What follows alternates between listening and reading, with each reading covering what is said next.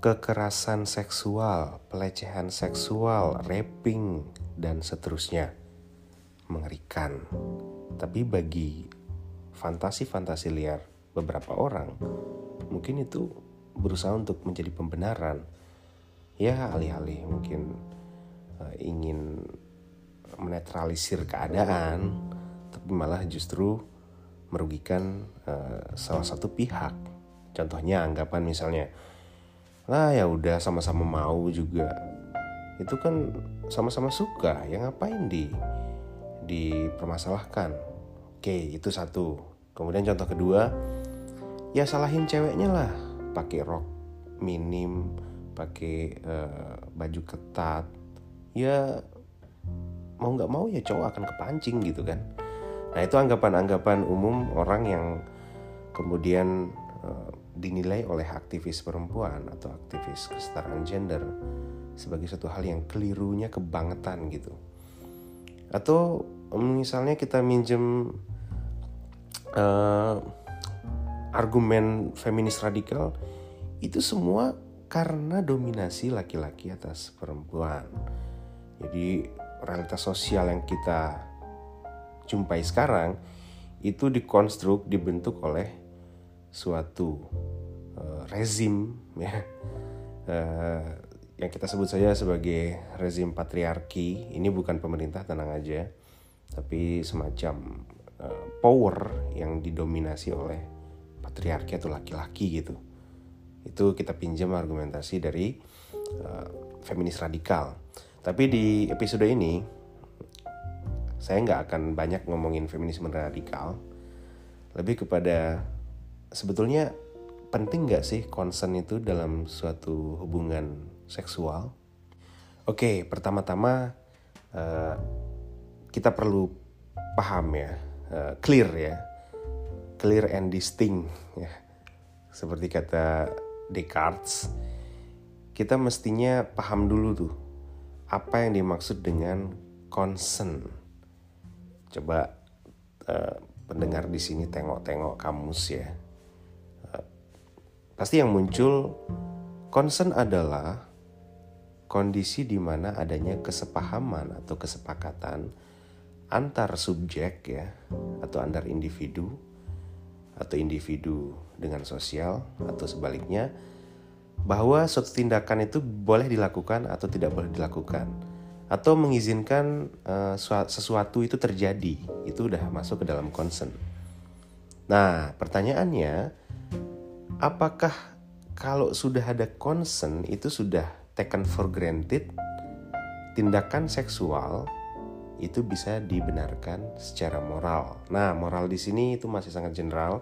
Silahkan kalian bisa kaitkan dia dengan moralitas-moralitas yang uh, partikular ya seperti moralitas agama atau moralitas yang berkembang di masyarakat adat tuh masyarakat atau komunitas-komunitas apa pun itu.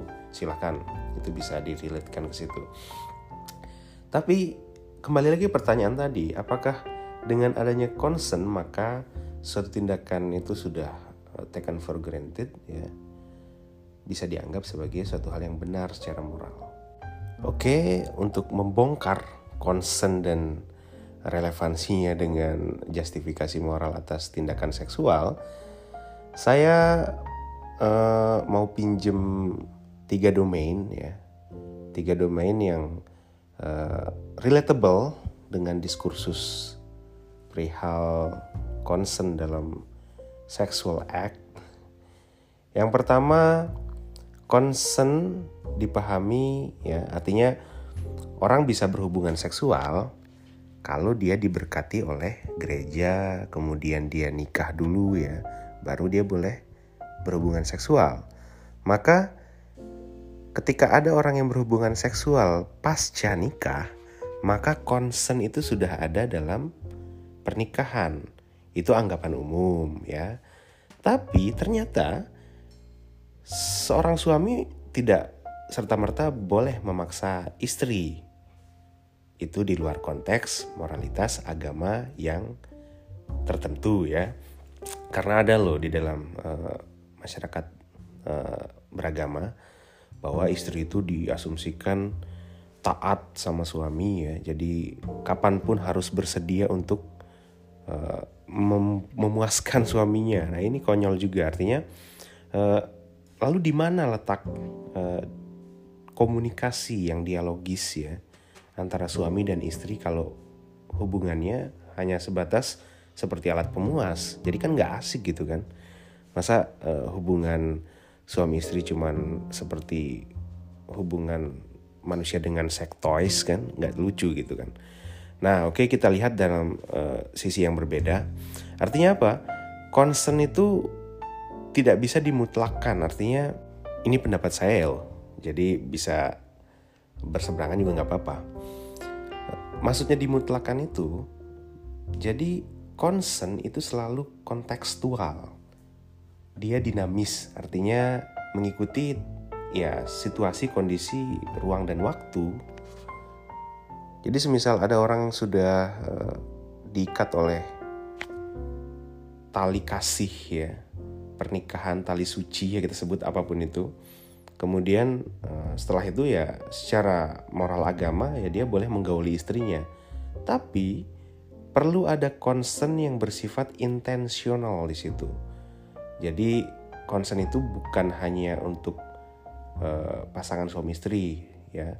Jadi untuk bikin anak gitu bukan cuma itu, tapi diperlukan yang namanya intensionalitas individu.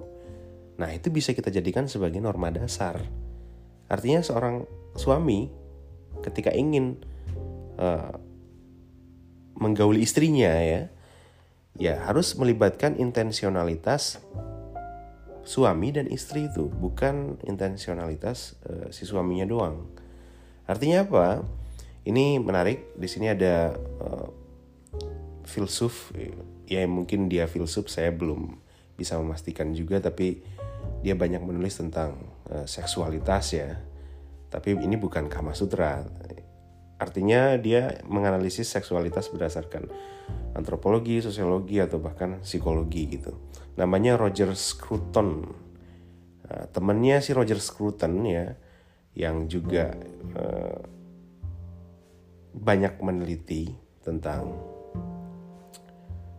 sexual desire ya, atau tentang concern dalam hubungan seksual itu namanya Igor Primorac yang kemudian artikelnya uh, mengilhami saya untuk bikin episode ini ya yang judul artikel itu sexual morality is concern enough. Jadi dia mempersoalkan apakah concern ini sudah mencukupi, sudah bisa menjamin tindakan seksual itu benar secara moral. Oke, uh, Roger Scruton di bukunya yang berjudul Sexual Desire, uh, dia melihat concern itu bersifat niscaya. Karena apa? Karena linier dengan dorongan yang bersifat natural. Oke, jadi tadi sudah ada concern dalam hubungan suami istri untuk membuat anak, untuk bikin anak ya, untuk uh, memperpanjang keturunan gitu. Sekarang kita ke hal yang lebih uh, filosofis, artinya concern tidak bisa hanya bersifat satu arah ya. Karena apa? Hasrat seksual atau erotic love kita sebut apa pun itu, itu sebetulnya adalah fenomena manusia. Maka dari itu, ya kita harus menyikapinya dengan manusiawi. Oke, karena apa? Karena hasrat seks dan sejenisnya merupakan domain ya. Dia domain yang termediasi ya oleh konsep tentang seks yang dimiliki oleh setiap individu. Nah, konsep ini tentu didorong oleh motif tertentu. Jadi ketika ada dua uh, orang ini dalam konteks yang heterogen ya, bukan homogen, hubungan yang hetero, ya, heteroseksual. Berhubungan seks misalnya. Maka ketika berhubungan seks dalam konteks uh, Roger Scruton ya, sexual desire-nya ini itu bukan hanya transaksi pemuasan hasrat biologi semata. Tapi apa? ada pertemuan horizon antar dua pasangan itu ya antar dua orang itu ketika berhubungan seksual artinya apa di situlah kemudian seksualitas itu tidak hanya uh, berhenti pada tataran fisik saja, tapi ada cerita di balik itu gitu. Jadi uh, dengan kata lain melibatkan kesadaran penuh dari dua orang untuk melakukan hubungan seksual. Nah, perlu juga diperhatikan ya, berhubungan seks tidak hanya persoalan kontak fisik, itu penekanan sekali lagi ya, tidak hanya persoalan kontak fisik. Tapi antar person ya atau antar subjek yang punya inner leben ini bahasanya uh, neokantian Marbuch dan uh, Baden ya kalau tidak salah Wilhelm Dilthey ya yang banyak menggunakan istilah inner leben. Artinya apa? Uh, perempuan bukan alat pemuas, laki-laki pun bukan alat pemuas. Keduanya bertemu dalam suatu kesadaran penuh untuk melakukan tindakan, setiap tindakan ya. Jadi kan kalau orang berhubungan seks itu ada banyak aktivitas di dalamnya ya. Nah, setiap aktivitas itu, setiap kegiatan dalam hubungan seksual itu harus berdasarkan concern. Suaminya mau bergerak ke sini, mau ngelakuin apa itu harus ada concern, persetujuan dari pasangannya itu. Oke, artinya uh, kita sepakat di sini. Saya juga sepakat ya dengan Roger Scruton bahwa hubungan seksual itu bukan hanya pemenuhan hasrat biologis, tapi melampaui yang bersifat erotik gitu.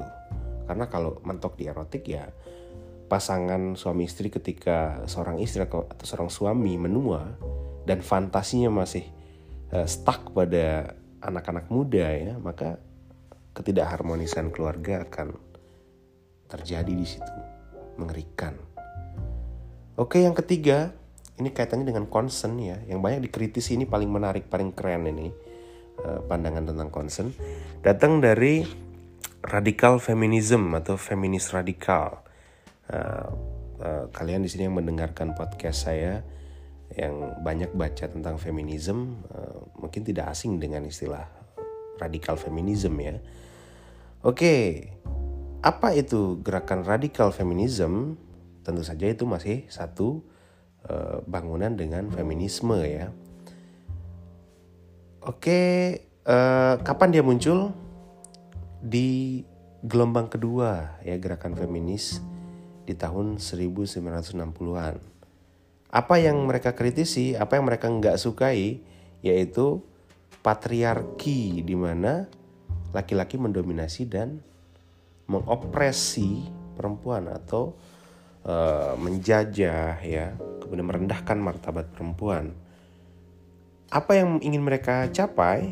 Mereka ingin meruntuhkan hegemoni patriarki ya dan kemudian membebaskan setiap orang dari uh, kungkungan patriarki baik dalam struktur masyarakat maupun dalam hal yang lebih uh, partikular seperti norma sosial dan institusi-institusi sosial yang sudah di, terlalu digrogoti oleh patriarki gitu. Sehingga apa?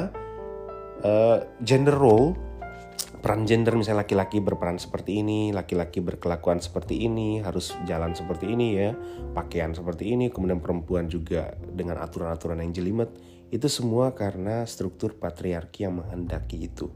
Nah, radikal feminis ingin meruntuk merontokkan itu sehingga ya setara gitu, ada equality antara laki-laki dan perempuan. Tapi kalau radikal feminis dia lebih concern bukan hanya pada tataran kesempatan kerja misalnya seperti yang diperjuangkan oleh feminisme uh, liberal, tapi ingin mendobrak, ingin ingin mendekonstruksi ya. Apa itu laki-laki, apa itu perempuan secara gender gitu. Kenapa bisa terkonstruk makna tentang laki-laki dan makna tentang perempuan? Berikut peran-perannya. Nah, sampai ke situ makanya disebut sebagai radikal feminism. Jadi dia mempersoalkan di bangunan epistemik dan ontologisnya. Kok bisa ada laki-laki dan perempuan sebagai kategori realitas misalnya? Manusia kok bisa dikategorikan oleh suatu kategori laki-laki dan perempuan. Kemudian kok orang bisa tahu kalau ini laki-laki ini perempuan? Kok orang bisa meyakini bahwa laki-laki itu harus bertindak seperti ini? Itu menyinggung epistemologi dan etika. Nah, itu menariknya radikal feminisme. Oke, uh, bagaimana radikal feminisme melihat uh, moralitas tindakan sos, uh, tindakan seksual ya kaitan dengan concern? Artinya concern itu nggak cukup. Karena apa? Lagi-lagi ya concern itu tidak terlepas atau nggak uh, independen dari pengaruh patriarki. Nah tentang seks yang berbasis concern feminis radikal memakai pendekatan individualisme pendekatan individualisme yang digunakan feminis radikal kemudian membuat mereka tidak terima ya kalau tindakan seksual dinilai berdasarkan moralitas yang lahir dari relasi sosial yang seksis. Artinya apa? Concern-concern yang kita bikin itu itu derivasi turunan dari realitas sosial yang sudah corrupted, sudah rusak oleh patriarki. Sehingga ya perlu dicurigai concern-concern itu itu jangan-jangan perpanjangan tangan dari patriarki. Seperti itu. Nah, bisa nggak kita menjamin concern itu nggak di direct oleh uh, si laki-laki ya, uh, sehingga ya tidak lagi penting dikotomi antara laki-laki dan perempuan itu, sehingga role dari laki-laki dan perempuan yang sudah lebih dulu dikonstruk oleh oleh uh, sosialitas yang dikuasai patriarki itu nggak kemudian terkultivasi melalui concern atau dengan kata lain concern kita bisa menjamin konsen itu nggak tercemar oleh patriarki seperti itu. Nah, bagaimana misalnya kalau kita tarik ke contoh yang lain ya, bagaimana ketika radikal feminisme melihat uh, pemerkosaan? Sekarang kan banyak isu-isu ya, suami itu bisa memperkosa istri. Kalau pandangan orang awam, loh kok bisa gitu kan? Nah kan sudah suami istri, masa memperkosa? Nah dalam pandangan teman-teman feminis itu bisa terjadi ya suami memperkosa istri karena ada concern yang dilanggar di situ concern yang eh, nggak uh, sehat di situ ya yang nggak bagus gitu oke uh, kalau kita mengacu pada analisis feminis radikal ya hal yang salah ketika memahami pemerkosaan itu sebetulnya bukan karena paksaan ya tapi kesalahan kita dalam memahami tentang interaksi seksual secara general para feminis radikal uh, bilang gini nih. Rapping itu terjadi karena inequality, degradation, and oppression of women. Nah, lagi-lagi mereka balik ke ada uh, penindasan atas perempuan gitu ya. Jadi ada generasi di balik itu yang kemudian memperlancar proses uh, raping, proses pemerkosaan itu. Dengan kata lain ya, uh, gender inequality dan dominasi laki-laki terhadap perempuan memperlancar atau membuat uh, pemerkosaan itu menjadi menjamur. Nah, di sini ada salah satu uh, pemikir juga namanya Catherine McKinnon ya. Dia melihat masyarakat ya di dalam masyarakat itu berkembang pemahaman tentang seksualitas di mana pemahaman itu secara sosial dikonstruk ya dibentuk dibangun oleh power laki-laki ya. Lagi-lagi semua itu didefinisikan dalam kacamata laki-laki seperti hasrat seksual kemudian uh, tentang pemerkosaan ya itu semua dari kacamata laki-laki sedangkan perempuan tidak dilibatkan di situ gitu argumen lainnya yang juga lebih radikal dari, datang dari Robin Morgan Pemerkosaan terjadi karena ada seksual intercourse yang masih didikte oleh hasrat berbasis gender. Ini radikal banget nih. Contoh, mengapa tubuh perempuan bisa membuat lelaki bergairah atau membuat lelaki nafsu gitu ya? Jawabannya ya karena ada konstruksi sosial yang didominasi oleh patriarki sehingga e, mendomestifikasi mungkin bahasanya kaum feminis ya sehingga uh, mengobjektifikasi bagian-bagian tubuh perempuan sebagai suatu hal yang erotik ya, yang menarik dan bisa membangkitkan nafsu. Oleh sebab itu, seharusnya perempuan menyadari hasrat alamiahnya serta afeksi alamiah yang tidak melulu mengandaikan afeksi dari laki-laki yang tertentu, yang tentu berbasis peran gender. Jadi uh, si Robin Morgan ini saking radikalnya, dia pengen kalau perempuan itu ya udah punya atau membangun hasrat seksual di luar konteks uh, dikotomi gender ya.